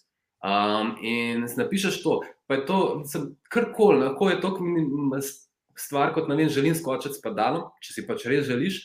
Lahko je pa pač, uh, eni hočejo priti na, na Kilimanjaro, eni hočejo uh, imeti 40 milijonov na računu. Ne? Pač želja je, zakaj, doseži. Uh, vse za vsakega nekaj želja, drugega za nekateri je družina, otroci, kukorkoli. Ampak zapiši si in to si ti lepo na začetku povedal. Dokler imaš v glavi, je samo tam. Um, ko začneš, ko napišeš na list papirja ali pa natipkaš, se o predmeti. Se pravi, ti si mogel fizično dejavnost narediti, da si napisal svoje sanje, oziroma nekaj na papir, in kar naenkrat je to realen. Ker naenkrat, ko napišeš, jaz želim skočiti s padalom, in ko vsak dan to gledaš, je že bliže. S padalom. Ja, vedno je bliže, recimo, ko napišeš, recimo, že bliže, potem prebereš. In večkrat, ko ponoviš, tudi ko, recimo, ko se odmaga, naučiš, recimo, da nečesa nisi sposoben, sem zato, ker pač si to ti ponavljal toliko časa, da temu verjameš. Ne? In tudi, ja, ko nekaj vidiš, recimo, rata predmet, in potem tudi lahko v bistvu na podlagi tega si to večkrat vidiš, slišiš, prebereš, pokličeš nekam, narediš en korak. Veliko večja šansa je, kot pa če tega ne narediš. Ne? In to je tisto, kar se zdaj pogovarjamo. Vse niso, bomo rekel, stvari, ki so prav pa narobe, oziroma niso stvari, ki so res pa ne res, ampak so veliko večje šanse. Ne? Če ti recimo zjutraj vstaneš ob petih in tako naprej, imaš veliko večjo šanso, da boš nekaj naredil do osmih. Ne, zato, ker pač um, si prost, noben te ne bo motil, in tako naprej, si še svež, ne, primer. Hoče se boje, da vedno so pač vedno večje šanse. Ne. Tako da vzemite, že, če boste vzeli samo eno stvar od, od današnjega pogovora, imate lahko veliko sprememb v življenju, ne glede na to, o čem se zdaj pogovarjamo. Um, zdaj, tukaj bi recimo eno stvar iz, izpostavil. Ne. Ti si se potem, bom rekel, mentorstvo odločil, da boš naredil ta portal viralen.si. Zdaj povej mogoče več o tem portalu, zakaj si ga ustvaril in kaj dejansko lahko ljudje tukaj dobijo. Um, ja, tako kot sem že prej načel, um, sem v tem času od korone naprej. Ne, se pravi, ko sem videl, da pač vse povzema neke čudne sfere, um, nekateri so videli zarote, nekateri so videli še kaj več. Um, sem jaz rekel, da se ne bom omejil s tem. Um, te podatke imejte vi, vi si filate možgane z napačnimi zadevami, um, jaz bom šel kontra in sem pač dejansko vzel knjige. Um, dejansko sem se naučil meditirati, uh, naučil uh, videti boljšega sebe, začel si življenjski cilj narediti. Pogledal, kje napake sem naredil v življenju, da jih nikoli več ne bom ponavljal, se pravi, revizijo napak, da vem, kaj v življenju več ne sme nikoli ponoviti. In takrat sem gotov, da bom vse, zakaj bi to zadržal zase. Um, zakaj ne bi to dal ven? Zakaj ne bi, v bistvu, zelo rad sem vedno pisal, pa nikoli nisem mogel tega narediti. Vedno sem imel željo, pazi to, kar sem rekel, imel sem željo, zdaj imam še zmeraj željo, da napišem knjigo. In absolutno knjigo bom napisal in vem, da bo uspešnica. Zdaj sem odvisen, kdaj jo boste začeli brati, takrat, ko bom začel pisati. In, in potem ena stvar me je enostavno vodila, in to je bilo, ko sem z mojim mentorjem naredil ta plan. Um, naredil sem pač narediš tri, uh, ena, tri in pet letni plan po različnih sferah življenja, tako sem rekel, se pravi, karijera, uh, zdravje, uh, družina, pa denar. In noter uh, gre v smislu vse po, tem, po teh zadevah, po teh lesicah, ker, po, po teh točkah, ker tam grem. In ta portal je ena izmed teh stvari, da dam drugim moje znanje. In želim, eno želim, kot sem rekel, m, mm, ta svet, tehnologija nam je veliko dala, pa veliko lahko dozame. Um, jaz sem vzel eno pozitivno stran tehnologije in pač sem malo lokal patriota, pač redno Slovenijo, luštanje tukaj zelo lepo je. Um, nekateri bi rekli, luštanje za dopust, uh, živim pa raj drugi. Ampak jaz sem rekel, pač ne, bor, ne morem zdaj tam politikam pa trkati na vrata, pa spremembe želimo, ampak lahko sem jaz del spremembe, lahko sem jaz sprememba. Um, da vem, da očistimo okolje, pač ne nehamo plastiko metati okoli. Um, jemo malo manj mesa, nehamo mlečne izdelke, ki so totalno nezdravi za telo. Z vsake takimi majhnimi spremembami pri sebi, nikogar ne silim, um, in ne pustim, da nekdo meni sili, sem rekel, da spremenim. In jaz sem rekel, da z mojim portalom spremenim v, v mindsetu slovencev, zato nisem šel v angliško verzijo. Si rekel, pet angliščino, boš malo več ljudi imel. Ne, jaz želim pač v Sloveniji spremeniti vaš slovenski status quo, narediti nekaj več od tega, ker smo zelo inovativni. Poglejte, vse velike podjetja, Outfit 7, Talking Tom, know-how je, know je v Sloveniji in bo ostal. Zakaj? Ker uma pa res ne moreš kupiti. Je pa to en del, ki ga pa ni v knjigi, ki ga ni v telefonu, ki ga ni nikjer. In veš, da se nekdo spomne eno idejo, um, govorečega mačka, pač to, moraš, to je samo tlele. In Energija je razlika potencijalov. Ne? E, to je fizikalni zakon. Več kot je potencijala, več se atomi skabutajo, več energije, več elektrike dobiš. In enako je v, v, v ostalem svetu, v, pri nas, ljudeh ali pa v firmah, več kot imaš ljudi, več naredijo. In jaz sem rekel, več kot dam ljudem znanja, prej se bomo premaknili naprej, prej bomo boljši podjetniki in zaradi tega bo Slovenija boljša. Hm. Odlična vizija. Uh, tako da res, kot prvo, čestitke za to, da si se lotil tega projekta. O tem bi te tudi nekaj rad vprašal, malo kasneje, ker se mi zdi odlično. Ampak bi še prej pa eno stvar, ki si zelo omenil, recimo, um, izpostavil. Odgovornost za svoje življenje, sprejeti. Mhm. Za veliko ljudi, recimo, gre če življenje tako, da pač krivijo druge. Recimo, se to večkrat tukaj pogovarjamo, ampak še enkrat bom omenil, kar je pomembno. Ne? Sosed je naredil to, žena je naredila to, mož je tak in tak, otroci so tak in taki, vsi drugi, recimo, ne, vlada, ne vem, kdo še vse in tako naprej. In ko živiš enkrat v tem svetu, potem reagiraš, bom rekel, na vse, kar se ti dogaja. In dejansko, ko moraš reagirati, ne moreš imeti dobrega življenja, ker nikoli ne veš, kaj bo čez pet minut. Kaj bo čez dva tedna, kaj bo drugi misel, kako se moraš v bistvu za ti obnašati. V bistvu spet vedno si bom rekel nekaj žrtev okoliščin, ki se zgodijo in nimaš popolnoma nobenega vpliva na svoje življenje. In zdaj, tisti, ki tukaj gledate tale podcast, ki sprejmete, bomo rekel, te pogovore, ki vas zanima, neki, da želite imeti nekaj več od življenja, potem poslušajte tole. Ko sprejmete odgovornost za svoje življenje, se vam nekaj spremeni. Da boš tam mogoče svojim besedam povedati, kaj bi rekel, recimo, ko sprejmeš odgovornost za svoje življenje, ka, pa ko se ne oziraš na to, recimo, kaj se okoli tebe dogaja, pa kaj se v tebi dogaja, kaj se naredi, kaj se spremeni in kako do tega priti. Ko enkrat um, narediš neko napako, smo pač ljudje, napake so in napake bodo vedno v prihodnosti. Če um, rečeš, da jaz napak ne delam, si pač zelo egoi, egoistično in egocentrično to gledaš in ne treba pač večkrat pogledati, zakaj tako misliš. Um, predvsem je pomemben, um, da predvidiš uh, te nepred, nepredvidljivo. Ne? Se pravi, da veš, da nekje v prihodnosti boš naredil napake, ampak predvsem, da veš, kako boš na to uh, reagiral. In da v preteklosti, ko si nekaj naredil, um, pogledaš, zakaj si to naredil in kako boš to odpravil. In predvsem rečeš, ok, meja kulpa, jaz sem zasrl. Ampak kaj sem se od tega naučil? In če pogledaš, ok, sem nekaj zasrl, to je bila ful dobra šola, zgubil sem 5000 evrov. Pač ne gledati, zgubil sem 5000 evrov. Poglej, kaj si dubo. Ti si za 5000 evrov dubo neko izobraževanje, zato da tega več nikoli ne boš naredil, ker nekdo drug pa to isto napako naredil za 50 evrov. In ti jo ne bo, zato ker si imel že v osnovi napako. In ko gledaš enkrat minus v plus, obrneš za vsako stvar, um, se kar naenkrat vse skupaj boljši steka in več imaš od tega, in v bistvu samo izkušnje naberaš, ki si jih naredil. In kot smo prej oba dva gotovila, prvo 80-ih v Gogalniku rečeš svojemu nučku. Ja, to sem pa tudi jaz proval, veš, pa ni šlo. Ne? Um, ne, in je vredno, in se, in se po spomniš, da si to naredil in si vas vesel, da si pač naredil en error. In pač errori so postoče, računalnik vam vrže error, ven pa je tisoče in tisoče mehanikov ga dela, oziroma inženirjev. Tako da verjamem, da so. In predvsem je pa to, da ko jo narediš, um, pogledaš, kje je, um, zakaj je nastala, zato ker pa v prihodnosti, ki si, da jo več ne ponavljaš, da ne delaš istih napak. In ja, iz napak se učimo. Ne? Ne, kako boš mm. drugače hodil, ko pač trikrat padel in pač. Kako kot otrok primaš pečico in je vroča, in veš, da jo pač več nikoli ne boš. Dino tako. Jaz sem celo tako rekel, iz napak rastemo, ne, oziroma ne napredujemo, ne, ker ne moreš v bistvu napredovati več čas, če ne rasteš, če ne napreduješ, če se ne razvijaš. Ne. Če nimaš napak, recimo v življenju, potem niti ne veš, da delaš kaj narobe. Kako ne potem nekam prideš, če ne veš, kaj ne da narobe, kaj gre lahko narobe in tako naprej. Ne. To je življenje v vakumu. Ne? Življenje v vakumu je dolgočasno, nič se ne dogaja. Ne? Če v vakumu spustite perje, nekam pa zelo počasno, pada noč nočem, kamor mu da gremo čez brez veze, ker nima opora. Um, in to je, če si hočete ta, tako življenje v redu, ampak pač potem ne jokajte, vzemite, tako kot so rekli, odgovornost. Jaz sem rekel, da bom ostal v, v zmeri v istem stadiju in ne bom šel naprej. Ampak potem, čez pet let, ne rečem ja, zakaj pa jaz nimam 100 evrov na računu, zakaj imajo pa se vsi malo luštno, zakaj ne morem. Ja, pa če to si se odločil v življenju. Um, to, ko imaš recimo partnerja in veš, da recimo. Um, kaj vem, da ima partner neko napako, da nikoli ne pospravi za sabo posode. Ok, rečeš, v redu je, to sem vzel, ko sem ga spoznal, on ne pospravlja posode, jaz sem to vzel za, za sebe, si za znamek naredil in nikoli v prihodnosti v življenju mu nikoli ne vržeš nazaj, zakaj ne pospravljaš posode. On ima to napako, si jo vzel, da pač je tak je in ko to sprejmeš, v redu je, ma je pa pač na drugih koncih zelo, zelo, zelo dober. Pač vsi imamo neki, samo odvisen, kako to sprejmeš in kako to obrneš.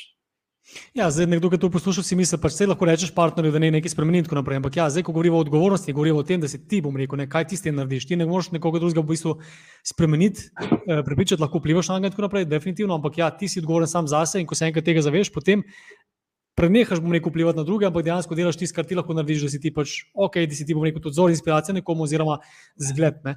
Je to tisto, kar hočeš reči. In tukaj ne se povem. Tisti, ki si recimo tukaj omenil, da tudi recimo, če si danes, bom rekel, po petih letih, recimo, nimaš to uro na računu, ne? tudi človek, ki pa si rekel, da je to odločitev. Človek, recimo, ki danes doma gleda, ne? pa misli, da pa se si nisem tega odločil, si se, ne? ker če si nekako. Ker tudi tu, da se ne odločiš, da boš imel več denarja, oziroma tisto, kar bi si želel imeti, ne, si se odločil, da pač tega ne boš imel. Ne. In tu so odločitve, ne, da se recimo dan pač recimo greš pred kavč. Ne govorim, da to ni prav, pa da je narobe, zato ker verjamem, da so ljudje zmatrani, utrujeni po, po težkem napornem dnevu in tako naprej. Vprašanje, kaj se nam zgodi, jaz verjamem, da ima vsak svoje težave, ki misli, da so deleč največji od vseh. Ampak hočem povedati, da tu je tudi neka odločitev. Ne, in kljub temu, da pač um, vemo, da je potrebno nekaj narediti, ne, da tega ne naredimo, je to odločitev tudi če nismo se odločili, zdaj pa jaz samo tega naredil, da ne bom imel 100 evrov. Ne, če nisi bom rekel, sprejel odločitev, da boš nekaj božjega naredil, potem boš si sprejel avtomatsko odločitev, da bo nekaj slabšega. Ne. Boštjan, tale projekt, ki si ga začel, viralen pikasi. Ja. Meni je zelo všeč, tudi recimo, zelo mi je všeč energija, to sem ti napisal, še preden sem se dogovoril za tale Res je. podcast. Ne? In nisem niti vedel, kaj se dogaja, kaj boš naredil, pripravljen in tako naprej. Ampak eh, všeč mi je tvoja energija, všeč mi je da si se tega lotil na polno. In me zanima zdaj sledeče, ne? ker veliko ljudi, recimo, ko se loti nekega projekta, ne? Se lahko zelo hitro ustavi, ker pač ljudje nekaj govorijo, ne? kaj bodo drugi rekli, kaj, kaj si bojo mislili in tako naprej. Lahko tudi, recimo, ko začneš nekaj delati, se pojavijo neke. Iz neke izzivi, ne? neke težave, neke, bom rekel, zadeve, ki misliš, ah, se to pa ne bo. Ne? Kje si ti izbral ta pogum, energijo, moč in kako greš, bom rekel, če vse te začetne, bom rekel, porodne krče, ki jih ima vsak, ki začne nek nov projekt. Prav moč in pogum, uh, bomo šli kar vse. Gremo pač od zadnje, kar si rekel, moč in pogum. Um, ja, zato je prej, ko smo govorili o ciljih. Moj cilj je enkrat, um, tam nekje imam na mizi, tle sem v pisarni, imam napisan taske, kaj si želim um, v življenju. In eden izmed tega, da imam podjetniški hub, se pravi za mlade podjetnike, da jih učim uh, priti naprej in da nekaj naredijo. In enostavno to je en del tega, da jaz dosežem svoj cilj. In vem, da kar naenkrat jaz ne bom mogel potrkati, ne vem, nekam BTC ali pa Zoranu Jankoviču, edi mi uh, 400 kvadratov, jaz pač naredil tle prostor in bom za podjetnike. Ker bo rekel, kdo si ti? To bo prvo vprašanje, ne? bo pa rekel, nimam časa. Um, zato moraš iti počasi in ho, ho, vedeti, kam greš, in potem vse te majhne zmage in majhni cilji ti pridejo, kot smo rekli, merljivi in lahko sekcioniraš in grejo do tam. In jaz sem tle zbral ta pogum, da sem rekel, ja, bom šel na res um, in ne bom odnehal, ker vem, da je nekje daleč tisto, kar jaz želim. Pa na koncu koncev pač želim, da čim več ljudi to vidi, da se čim več ljudi izobražim. Ampak sem rekel, da se tudi, če sam zase delam, lej, to sem jaz rekel, da bom, tudi če bom nič ogledal. Jaz sem moj cilj, jaz imam edino moč, kar imam, je to, da dam vsebino gor. Ne morem pa moč narediti, da pa tle ljudi zuleč, da pa gledajte, da pa gledajte to moje video, je nujno, ker če ga bom to naredil, bom šel proti njegovi volji in ne bo nič. In jaz sem imel svoje moči, da to naredim, to imam svobodo, to imam pravico in to sem imel željo in sem to naredil. Um, kako se bo razvil naprej? Dobro se bo razvil, to enostavno vem. Tako je mečkam potem si me ti poklical, sem rekel, je rekel, ej, bi še tu z mano ne toril, sem rekel, e, vidi, da se že dogajajo te mehne spremembe, sploh nisem računal um, na tebe. Um, in druga, kako pa greš čez sebe, kaj si od drugih mislil na videu, to sem imel pa težavo. Um, in to sem um, rešil. Pač jaz uh, sem odprt in povem, pač, um, psiholo, psihologinjo, ki mi pač pove, um, psihoterapevtko, kaj določene zadeve reče. In sem prav to omenil. Sem rekel, da sem kaj si bodo drugi mislili. In je rekla, boštjan, zdaj pa veš kaj. Brigate. Ena stvar je, vsak ti bo mislil negativno, najprej naj naredi to, kar si naredil, naj si posname video, naj si zeditira, naj najde ljudi, ki ti bodo pomagali, naj si kupijo vso opremo, naj si napišejo skript, naj si tako, kot sem jaz kupil um, mentorca za javno nastopanje, uh, da že tri mesece vadimo.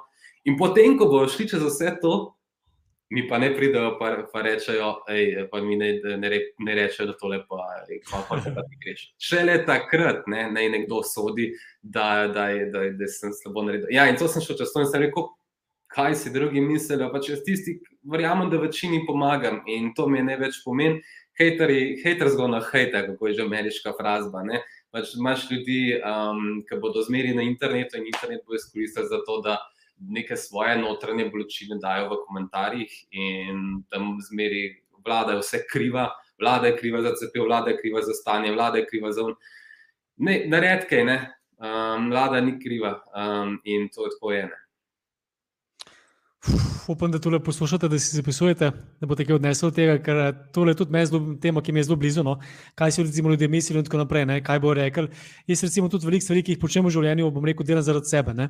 In zakaj delam zaradi sebe? Zato, ker jaz v bistvu sem sprejel odgovornost za svoje življenje. Jaz vem, da recimo na koncu, ko bom mogel umreti, bom umrl sam. Ne? Jaz vem, da recimo da na koncu meseca, ko treba računa plačati, bom mogel sam plačati. Ne? Jaz vem, da recimo na koncu meseca ali pa na koncu tedna ali pa na koncu dneva ne? se moram jaz fajn počutiti v svojem telesu. Ne? Ne drugi, ne, tisti, tisti, ki imajo komentarje. Ne. In ponovadi imam tudi zelo veliko sočutja, bom rekel, iskreno do ljudi, ki pač komentirajo negativno, ker res dobro vem, ne, da če si ti, bom rekel, dobro v svojem telesu, ne, v svoji duši, če se ti dobro počutiš sam pri sebi, potem boš zelo težko, bom rekel, šel nekam pa komentiral nekomu, da je kreten, ne, ali pa da boš recimo napisal, tole pa bi si slabo naredil, ali pa tole pa ni dobro, ali pa ne vem, zaradi tega. Ne, veš, recimo, ki tudi pri Emo, ki nekdo ne emi zmaga, ne, to so vedno komentarji, ne, Ja. noro, noro slavi. Ne. A veš, in zdaj recimo take ljudi, ki pogledaš, po rekel, to so ljudje, ki imajo pač verjetno težko življenje, ne, ki, se borijo, bom rekel, z dnevom v dan. Jaz bom rekel, to veliko tu zakupu zajemem in tu zaradi tega si počnem res ne jemljem smrt srcu nobenih negativnih komentarjev oziroma nekoga, kaj si bo kdo mislil. Ne. Po drugi strani je pa tako, ne, mene tudi, bom rekel, motivira, ne, to, da kaj si bodo drug mislil, jaz ne vem, ampak vem, da jaz se počutim super. Ne. In zdaj, če se jaz počutim fajn, ne drugega komentirati, kot si ti rekel, ne, ni, ni pač naredil nič tazga, ne, verjetno je naredil kaj drugega. Mislim, tu, tu je njegov svet, njegova realnost, in po drugi strani meni to celo pomaga, bom rekel, zato, da naredim več, ker jaz ne vem, zakaj imamo od nekaj če, ker če mi nekdo reče, da nekaj ne morem, potem se neko ja lahko. Ne. Ja. To imam že od nekaj. Ne.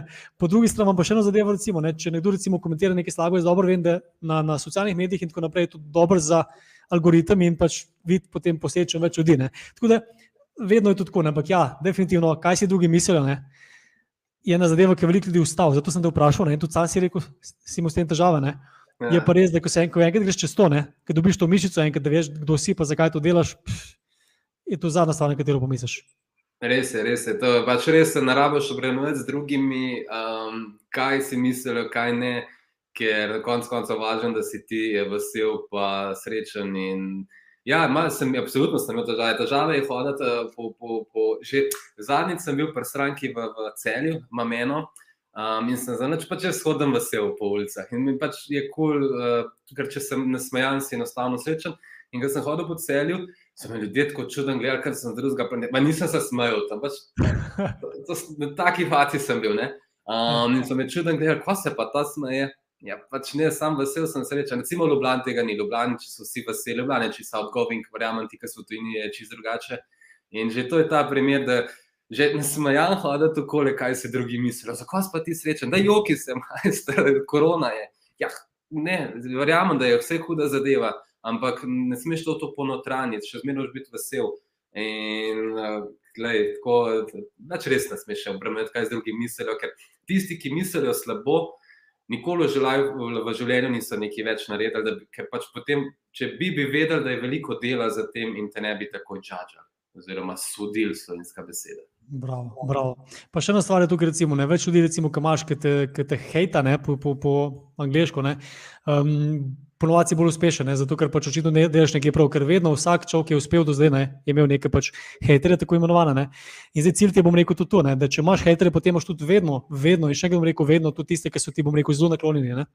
In ti se na te fokusiraš in ti tem, tem govoriš. Ne. Kljub temu pa recimo, da je tudi in Filip Pesek in recimo ostali tudi v Sloveniji. No, Pa veliko ljudi v tujini govori o tem, ne, da moraš tudi heterje, recimo, pa Tomaš Gorec o tem govoril, dost, tudi heterje spremeniti, bom rekel, v oboževalce. Ne, in tudi tu se dogaja, ne, zato ker pač ljudje smo taki, da ne maramo spremeniti. Ne, in ko dejansko počasi, počasi, bom rekel, dobivaš neke točke ne, za, za neko spremembo in ko pride do nekega plafona, kako ne temu rečem, potem spremeniš tudi mnenje mogoče in si potem lahko največji zagovornik tega človeka oziroma teh um, storitev. Ne. Tako da tukaj bom rekel, ne sem tistem, pač, ki gledate, no, ne povem, da pač mnenja drugih so bistveno manj pomembna, kaj vi mislite, oziroma te najhitreje lahko ohromijo, tako da boste pozorni na to in eh, se na to ne ozirate. Ne. Boštjan, zdaj sem že pr proti koncu, ampak povej mi, recimo, osebna rast. Koliko delaš na osebni rasti, oziroma kaj je trenutno recimo, ena taka stvar, na kateri delaš konkretno, da, da, da osebno rasteš, oziroma da, na, na čem delaš trenutno sam pri sebi? Um, Kaj se tiče osebne rasti? Ja, absolutno. Osebnostno, non-stop rastem, um, ker um, to je prva stvar. Ne definiram se, jaz nikoli ne rečem, um, sem podjetnik, ker um, potem podjetje propade ne, in jaz sem propadel kar naenkrat, ne, če se definira, da si podjetnik. Ne. Um, isto je športnik, športniki se definirajo, jaz sem športnik in potem se upokoji in je kar naenkrat upokojenec. Ti se nikoli ne smeš definirati z, z neko stvarjo, z neko um, stvarjo ali z uspehom, ali nekaj, kar delaš v življenju, kar je tvoja karijera. Um, jaz delam v podjetništvu, eh, tako si rečem, ne, nikoli se ne definiram s tem, ker pač podjetje je svoje entitete, zaradi mene ne jutri propade, pa bom mnogo naredil. Jaz bom moral pa ostati zdrav in čil. In če bom jaz zdrav in čil, bom jih naredil pet podjetij, ali pa pet uspehov, ali pa petkrat uvire preskočil, ampak bom to naredil jaz in se ne smem definirati z ničemer. Um, in delam ravno na tem, in tudi pač osebnost naraste ena izmed teh, pač ta moj portal, ki sem šel ven iz svojega komfort zona. Druga zadeva je pa. Jaz ne vem, koliko sem že Amazonu leto zmetal za knjige, ogromno, ampak vsaka knjiga mi da vrhunsko velik. Um, in znotraj knjige pol dobim še, nova, kroč, še nove knjige, no, uh, da si upiš, upisujem in to je ena osebnostna rast. Uh, druga je pač to, da pač šport je spet ena zadeva, ker če si, če je telo zdravo, ki je osnova. Ne? Telo je pač ena zadeva, ki nam je bila projstva dana, nismo si jo zbirali. Um, in če je to v redu, če to, to je naše urodje. Ne? In če nas za to urodje dobro naskrbimo, ja, hodič ne bo dobro delal. Um, mislim, lahko ponovadi ljudje gloncamo avto, ga poliramo, mašina mora biti čista, mora biti posesan, pa takoj, ko lučka za svet, k serviserju. Takoj. Nekaj pa sam neki in se ne počutiš v redu, da je mm. pogoltan par tabletov, bo že v redu, ne? ampak tablet ne zdravi, ampak samo kar je tisti uh, efekt, ga uniči. Um, bolečina, tista osnovna, bo še zmeraj ostalo. In to delam, na tem delam na sebi, da raste, da skozi jaz. Kljub, ne, se pravi, um, da zmeri rečem neke zadeve, ja, ker potem kar naenkrat zaporedno um, doživam nove, do, določene, zelo dobre zadeve, ki se mi dogajajo v življenju. Um, in ja, to. Dejansko več čas delaš tudi na sebi, zato ker pa se zavedaš, da, da je osnova da si ti ok. Ne? In da. Ja, Ker, tako, karkoli se dogaja zunaj tebe, v bistvu nima take veljave, kot pa to, kar se dogaja v tebi. In tu mu neko besedo, oziroma zlajnane, pa mislim, vsaj pri meni, zato ker se o tem veliko govorim, pa ljudje o tem veliko slišijo, vidijo in tako naprej. Ampak je ena velika težava tukaj danes, ki se recimo pogovarjamo. Ne? Veliko ljudi bo reklo, recimo, ki bo to pogledal, jaz tu že vem. Ne? Jaz sem to že slišal. Ne? Aha, ja, ja, to pa že vem, ne? se to ni pa nič novega. To je, bom rekel, ena najbolj nevarnih stvari, ki lahko danes naredite, ne? kaj gledate tole. Zato, ker če nekaj slišite, pa veste za to in tako naprej, to ne pomeni, da, kaj, mislim, da, da to počnete, da imate kaj od tega. Ne? In dokler tega ne počneš, potem dejansko tega ne veš. Skoraj da ne veš. Tako da jaz predlagam vsakom, kljub temu, da, recimo, da najdete samo eno zadevo danes, ki vam recimo naredi en klik, začnite delati mogoče samo za en teden ali pa za en mesec, ampak dajmo recimo za en teden, zato ker začneš za en teden, si bom rekel, dobiš en momentum in potem lahko to nadaljuješ. Ne? Ampak začni delati eno zadevo, recimo, ki boš tam danes omenil, pa jaz in boste videli, bom rekel, spremembe. In zato smo danes tukaj, zato da se spremenimo, da rastemo. Rast oziroma napredek je posledica, bom rekel, sprememb. In spremembe vsi rabimo, če hočemo pa nočemo. In edina stalnica danes, ki jo imamo, bom rekel, v svetu, so spremembe.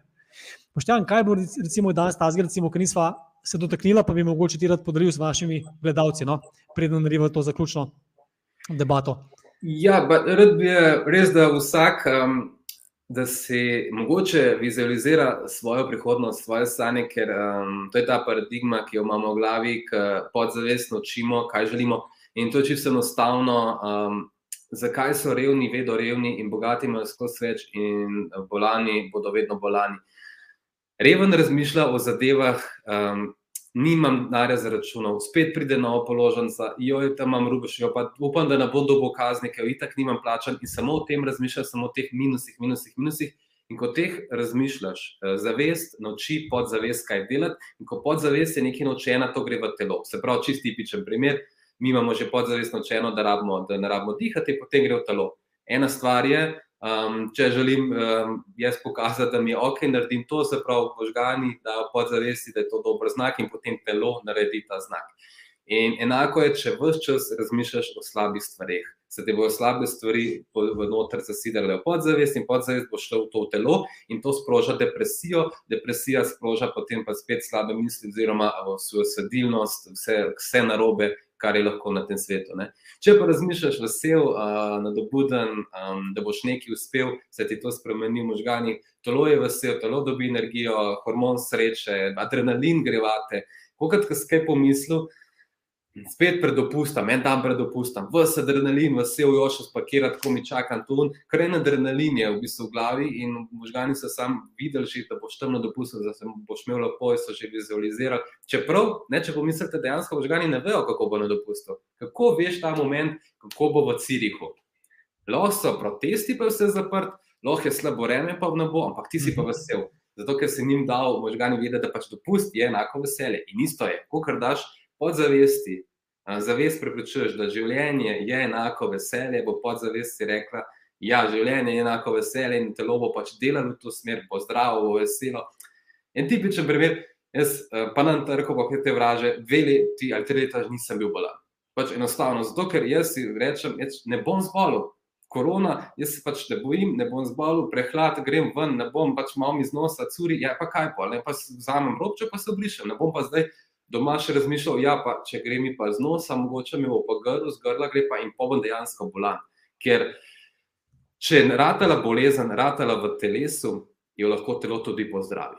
To morate vedeti, in ker to možgani lahko naredijo, ste pravi, če bi nekaj prišlo do nekega tujka, lahko tudi pač to v kontra narediš. In to možgani, možgani, možgani zelo dobro delajo. Govorite si lepe stvari, razmišljate o lepih stvarih, pa tudi če so tele lockdowni, pa če ne vem, kaj vse delajo.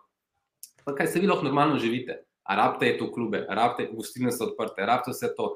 Ma ne, ne rabite. Če sem jaz srečen brez tega, seveda, da ste lahko vsi ostali. Tako da, Ja, učite, programirajte si možgane v pozitivo, in pozitiva se vam bo kar naenkrat dogajala, in boste čist drugače ustajali, in boste videli. To je pa tipičen primer. Če zvečer zaspiš, gledajte, eh, eh, televizija vas eh, zelo, zelo programira, to morate vedeti. Um, gledajte zvečer, ko greste, recimo, spat, um, oziroma preden greste spat, gledajte dramo. Ko gledate dramo, boste kar naenkrat slabe volje, slabe stvari se bodo dogajale, pač to zasov za joki, vse zadeve. In pa počudujte, oziroma zjutraj pogledajte, kakšne se boste volje zbudili, slabe. In zelo čustveno boste nihali, non-stop čez cel dan. Potem pa pogledajte komedijo ali pa eno zelo um, inspirativno zadevo. Mogoče pogledajte dokumentarc ne, od BBC Earth ali karkoli, kako se lepo se na Zemlji dogaja, in zjutraj boste kar začudoma dobri, vse se bo vrhunsko uh, dogajalo, cel dan bo vesel. Evo, to je to, kako ste sprogramirali možgane prejšnji dan in zgolj z dodajo lahko to vidite. Kaj še več, če si sam sebi govorite, vse super. Uf, se da mogo dati kar v bistvu na celoten, celoten zaslon, da te vidim, slišim in tako naprej. Ne, super si povedal, tale bom rekel, misel je bila zelo, zelo, um, jaz izmed tako res predlagal, no, vsi ti tukaj gledate, no, pogledajte si še enkrat, delite to, bom rekel, s prijatelji in tako naprej. Um, zato, ker bom rekel, tukaj enih malenkosti, recimo, ki so se danes pogovarjali, ki niso malenkosti, ne, je, je v tem pogovoru, da vam lahko res popolnoma spremeni življenje. Ne. In se pravi, če bom rekel, vidite, položim, bom rekel, sodelovanje z Moštjanom, bom rekel, pojdite na portal viralen.si, preberite si kakšno stvar, recimo, gor, napišite kakšen komentar, delite to s prijatelji in tako naprej, ker spodbudite treba, bom rekel, dobre prakse, spodbudite treba nekoga, ki želi pomagati ljudem in tako naprej. In vi ste sami, no, jaz bi recimo zelo rad, Boštjan, da narediva ta zaključek, mogoče mečkem v tem stilu, kot si ti prej rekel, ne, ne samo v teoriji, ampak v praksi in na neko temo, ki si jo sam prej omenil, in to je, bom rekel, tema hvaležnosti. Ne? A si zadnji, recimo, da bom rekel, naredijo vajo, mi dva, pa tudi gledalci lahko to doma naredijo sami. No? Za, da najdemo boj se oba, tri stvari, recimo, za katere smo danes hvaležni, za danes, danes, ne za splošno, ampak danes hvaležni, da jih imamo, oziroma da so del naju, najnega življenja. Uh, in bo s tem nekako tudi zaključil ta pogovor, vi doma pa naredite isto. Um, razmislite, zakaj ste lahko hvaležni. Če slučajno se zgodi, oziroma najde kdo, recimo, ki misli, da pa ne more biti za tri stvari hvaležen, ker vem, da se to dogaja. Jaz, jaz to vem, da pač ni res. Um, Boš tam vedel, da to ni res, ampak to je dejansko nekaj, kar se dogaja nekomu, ki ni pač treniral te mišice um, hvaležnosti. In če mislite, da pač nimate treh stvari, za katere ste lahko hvaležni, pomislite, zakaj bi pa lahko bili hvaležni, če bi res hoteli biti hvaležni. In dajte na tri stvari in se na njih fokusirajte, o njih mislite in delajte to, recimo, vsaj en teden, vsaj tri tedne, vsaj mesec, vsaj celo življenje. Anyway. Boštjan, začneš ti, začnem jaz. Um, ker se ti gostitelj, oziroma gostitelj, ja, izvolite, da dam besedo. Super, jaz se nisem na to nič pripravil, tako da bom zdaj razmislil. Jaz, evo, gospa Ina že piše delo hvaležnosti, bravo Ina, lahko naredite tole vajo z nama. Jaz bom rekel, da sem danes hvaležen za tri stvari. Prva stvar, za katero sem hvaležen, je to, da sem uh, zdrav. Jaz mislim, da je to, da sem zdrav, je osnovna zadeva za karkoli v mojem življenju. Kljub temu, da sem srečen, bom rekel, na ljubezenskem področju, kljub temu, da mi gre dobro tudi na poslovnem področju, kljub temu, da mi gre dobro na področju, ki meni veliko pomeni, kar pomeni pravice živali, zagovarjanje pravic živali. Če ne bi jaz imel zdravja, bom rekel, v življenju, potem nič od tega ni pomembno, zato ker zdravje, ne, če ga nimaš, dokler ga imaš, ga ne znamo ceniti, ko ga pa nimaš, ga pa lahko zelo ceniš. Tako da jaz najbolj cenim to, da sem zdrav, da imam dve roke. No ja, potem pa druga stvar je to, da imam recimo dve roke, dve noge, eno glavo, da lahko razmišljam svojo glavo, da imam svoboden um da nisem rekel, omejen z zunanjimi pritiski okolico in tako naprej, ampak se bom rekel, res fokusiram na sebe in sprejemam odgovornost za sebe vsak dan. In tretja stvar, za katero sem hvaležen, je za tale pogovor z um, Boštjanom, predvsem zato, ker se rad pogovarjam z ljudmi, ki imajo, bom rekel, nekaj za pokazati na podlagi izkušenj, ki so da nekaj čez, ki vejo, zakaj tako govorijo in ki imajo pozitivno energijo, ki je nenazljiva. Ker ne zapomnite si, če imate slabo energijo, vplivate na druge ljudi, hočete ali pa nočete, nočete. In isto če imate dobro energijo. Tako je dobro vplival na me, Boštjan. Hvaležen sem za ta pogovor in uh, hvaležen sem mu rekel, zato, da smo se tudi malo bolj povezali, ker sem se že dolgo časa pogovarjal, čeprav se poznava že leta. Ne? Tako da, Boštjan, ja, to so moje tri uh, hvaležnosti za danes. Kaj pa tvoje? Um, ok. Da pa še pogledal, imel sem malo več časa še razmisliti. Okay, ena hvaležnost je že takoj zjutraj, eh, danes, ko sem imel polno eh, sestankov okoli po Sloveniji letov, um, imam eno majhno kuško, tako lisička in sem v bistvu hvaležen, da je lahko doma ostala in da jo starši čuvajo. In tam imamo še eno labradorko in je super, divjata okoli in se imate lepo. In je to ena hvaležnost, da je lahko tam ostala in da jo doma čuvajo. Hvala vam, um, da vem, da je na varnem. Uh, druga hvaležnost je, to sem vsakič hvaležen, um, ko si lahko eno hrano, ko se nekaj dobrega pojem in v bistvu zaprem oči in čutim vse okuse, ki so in se ti vse izostrijo. In sem pač hvaležen, da lahko jem veliko ljudi, ne, ne more. In to zdravo jem, um, malo sem veliko dal mesa ven iz tega, kako se rekoč nečih izdelkov in so v bistvu, hej, dobro se počutim, vrhunsko in to sem ena stvar hvaležen.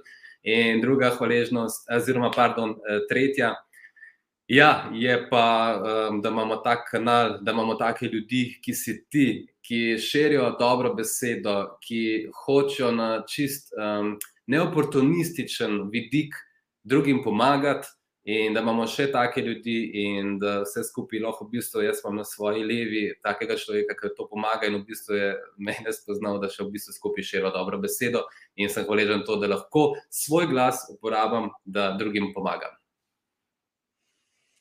Amen. Ja, glavno, kar sem rekel, če lahko, uh, moja mama, ne vem, kaj je glavno, kar napisala in komentar. Hvala oh, za wow, super. Hvala. Ne vem, kaj živijo. Hvala za spremljanje. No. Kratka, ja. poštena, še enkrat hvala. Jaz sem izredno hvaležen za to, da smo se dobili, da smo se pogovorili. Res odličen pogovor. Kot sem omenil že v bistvu, ker smo se pogovarjali o tem, jaz upam, da se čez 20 let, verjetno že prej, no, usedeva, pogledava še enkrat pogovor in rečeva, wow. Ja, jaz sem bil takrat, ki so danes, cale so bila. Tako da jaz sem vesel, uh, hvala vam rekel tudi vsem za pozornost. Jaz sem prepričan, da bom rekel, da vsak od vas lahko nekaj dobil v tem pogovoru. No. Dajte bom rekel, pogooglati bom rekel, viralen.si, uh, boš tam vidmar, uh, če se lahko kaj najdete, super. V vsakem primeru pa um, dajte delati na sebi, zato ker bom rekel, jaz predvsem rekel, umenem ponovati to stvar. Če ne delate na sebi, potem niste ok. In če niste ok, v času, da je to sprejemamo, pač nismo ok, nisem super in tako naprej bom že. Ampak to zelo slabo vpliva na ljudi okoli vas, na vaše starše, na vaše otroke, na vaše partnerje, na vaše prijatelje in tako naprej. In če ne zaradi drugega, čeprav morate ta prvo zaradi sebe, ampak veliko to bolj deluje, če ne zaradi drugega, zaradi drugih, delite na sebe, da ne boste slabo vplivali na nje, ampak dobro. Boštjan, še enkrat hvala, lep večer še naprej, delaj dobro, če lahko kako. Kako pomagamo, rekel na tej tvoji zgodbi, sem tukaj z, z tabo. No? Če lahko kdo drug, recimo, pomaga, njemu napiše. No? Eh, če lahko ti komu pomagaš, tudi napiši v tem komentarju, recimo, skrbno zadevo, drugače pa super pogovor, odličen in eh, hvala ti za to, da si bil moj gost. Hvala tudi eh, tebi, Matej, hvala vsem, ki ste gledali. Ja, če to vsak, vsak dan en procent boljši, boste konc leta 365% boljši. Da, hvala vam. In to je možno, ne samo v praksi, tudi, ne samo v teoriji, tudi v praksi. Tako. Tako da, akcija, gremo dalje. Hvala. Se vidimo, čau.